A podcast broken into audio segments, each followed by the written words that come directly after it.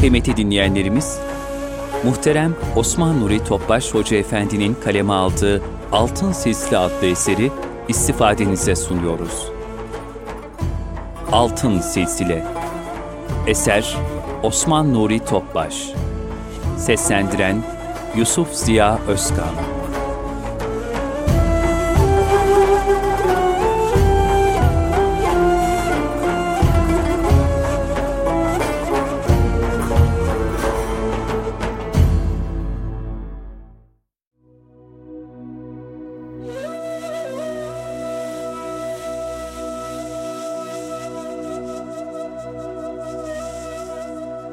Altın Oluk yayınları sunar. Altın Silsile Osman Nuri Topbaş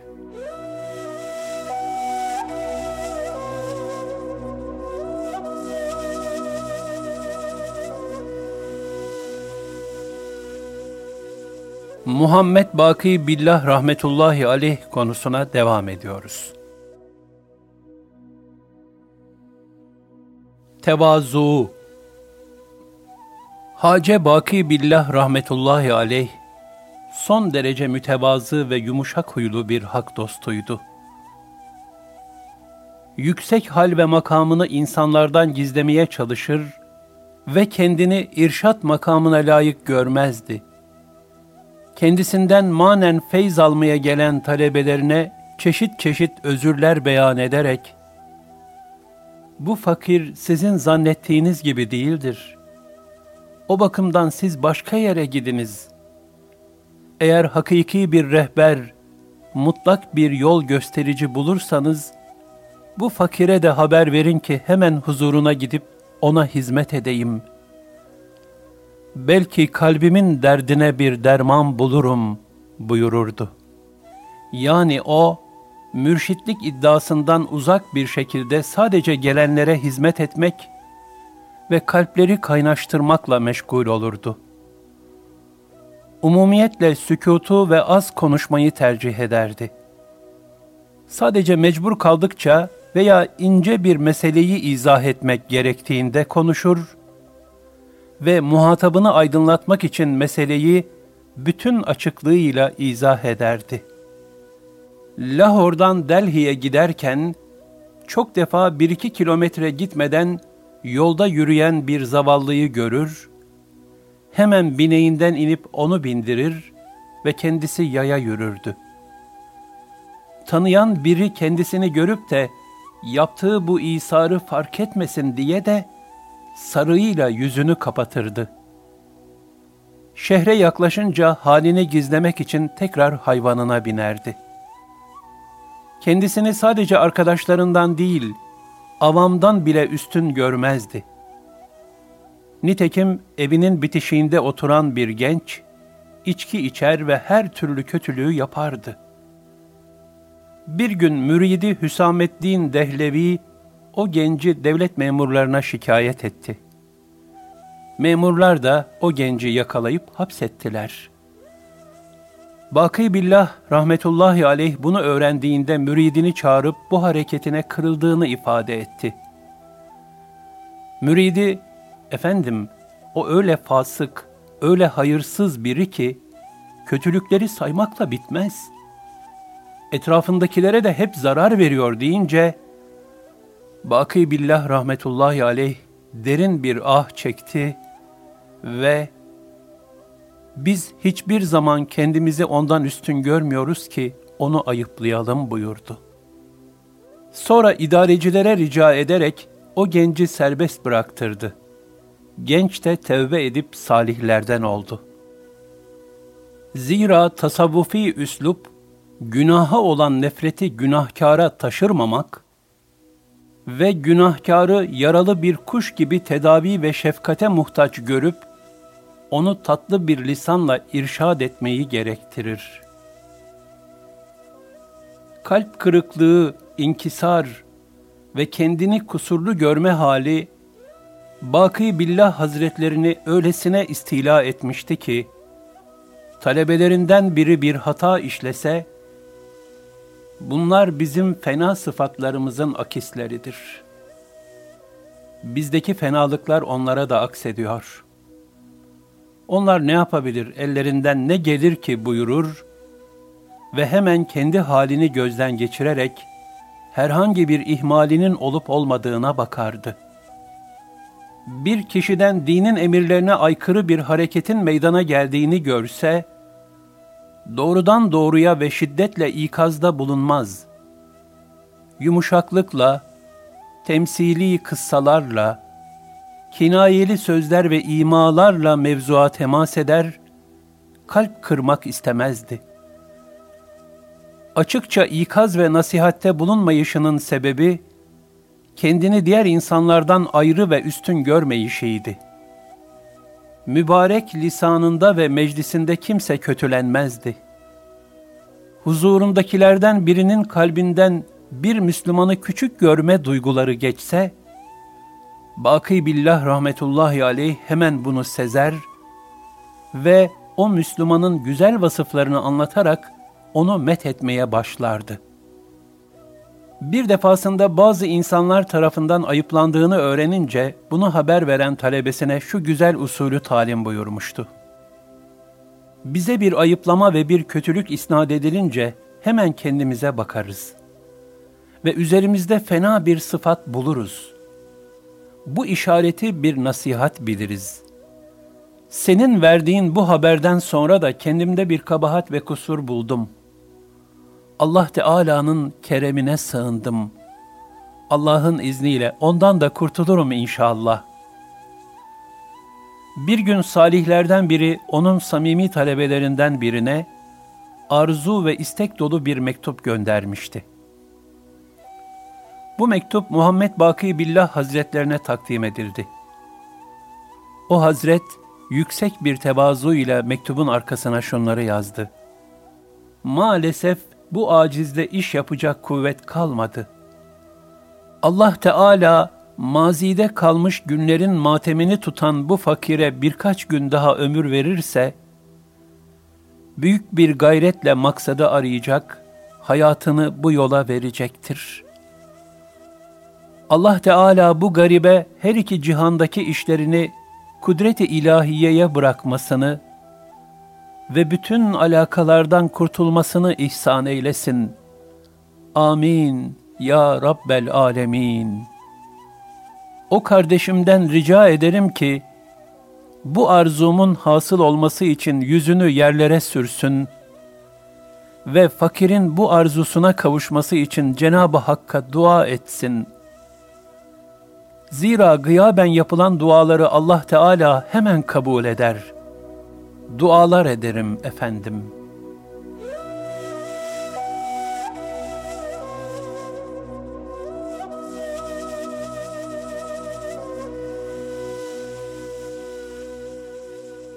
Vefatı Muhammed Baki Billah rahmetullahi aleyh 40 yaşına geldiğinde hastalandı. Son anlarında bakışlarıyla herkese veda ederken talebeleri ve dostları ağlamaya başladılar. Muhammed Baki Billah rahmetullahi aleyh ise tebessüm buyurup onlara hayretle bakıyor ve sanki siz nasıl dervişsiniz, kazaya rıza göstermeyip ağlıyorsunuz demek istiyordu. Bu esnada talebelerinden biri yanık bir gönülle, ''Ya ilahel alemin'' dedi. Hazret mübarek yüzünü hemen o tarafa çevirdi. Orada bulunanlardan biri, Üstadımızın bu hareket ve teveccühü, hakiki mahbubun ismi şerifini duyma şevkindendir deyince, bu sözün tesiriyle mübarek gözleri doldu. İkindi vakti yaklaşmıştı. Sesli olarak Allah, Allah, Allah demeye başladı ve aziz ruhunu teslim etti. Tarih 25 Cemaziyel Ahir 1012 30 Kasım 1603'tü. Delhi'de kademgah denen mevkiye defnedildi. Kademgah, Resulullah sallallahu aleyhi ve sellem Efendimizin mübarek ayak izinin bulunduğu bir mevki idi ve Muhammed Baki Billah rahmetullahi aleyh oraya defnedilmeyi çok arzu ediyordu. Burası bugün Nebi Kerim mahallesi olarak bilinir. Baki Billah Hazretlerinin manzum ve mensur eserlerinin çoğu ve müritlerine yazdığı bazı mektuplar Külliyat-ı Baki Billah ismiyle neşredilmiştir.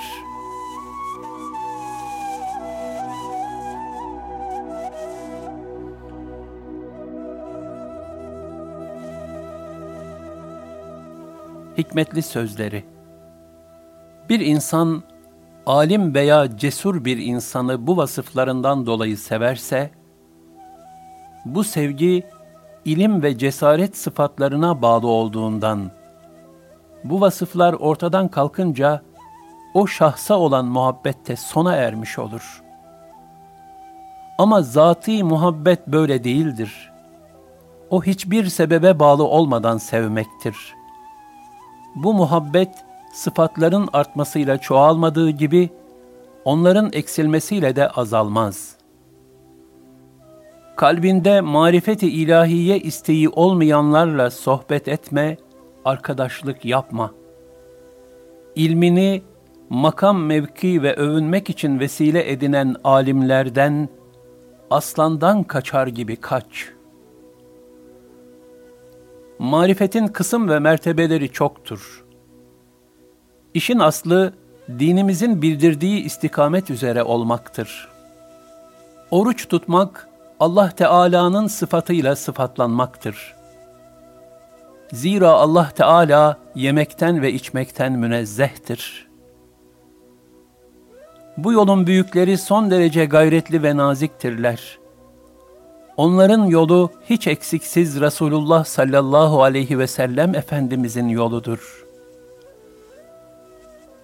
Rıza sahipleri için iptilalar musibet değildir. Onlar belalar karşısında isyan etmezler. Zira bu imtihanları gönderen Allah Teala'dır. Resulullah sallallahu aleyhi ve sellem Efendimiz'e tabi olmak, ehli sünnet ve cemaat itikadında bulunmak ve hacegan büyüklerinin nispetini onlara bağlılık ve muhabbeti kalbinde taşımak, dünyanın bütün nimetlerinden daha hayırlıdır. Sözün özü şudur, gönül dostta, beden işte olmalıdır. Sakın haram helal demeden her bulduğunu gafletle yiyenlerden olma. Ümit ipinin ucunu hiçbir zaman elden bırakma. Özünü Kur'an-ı Kerim'in emirleri ve sünnet-i seniyyenin düsturları oluşturmayan bir tasavvufi hayat, kişiyi vuslata erdirmez.'' Kur'an-ı Kerim'i okumak ve onu Resulullah sallallahu aleyhi ve sellem Efendimizin anladığı gibi anlamaya gayret etmek lazımdır. Kalp, dünya sevgisi veya dünyevi zevklerle dolunca, Cenab-ı Hak'la bağı zayıflar. Bu sebeple onu dünyevi alakalardan kurtarıp, Allah Teala'ya istikametlendirmek icap eder.'' Daima abdestli olup helal yemek çok mühimdir. Gıybet, söz taşımak, mümini hor görmek, Müslümana düşman olmak, kin tutmak, eli altında olanlara kızmak ve sert davranmak gibi bütün günahlardan sakınmak lazımdır. Bizim yolumuzun esası budur. Bunlar olmadan yapılan iş, rızayı ilahiye uygun olmaz.'' Bu sayılanlarda bir kusur ve ihmal olursa, hemen tevbe ve istiğfara sarılarak, büyüklerin verdiği vazifelere daha sıkı yapışmalıdır ki, muhakkak ki iyilikler kötülükleri giderir. Hud 114 ayeti kerimesinin sırrı ortaya çıksın.''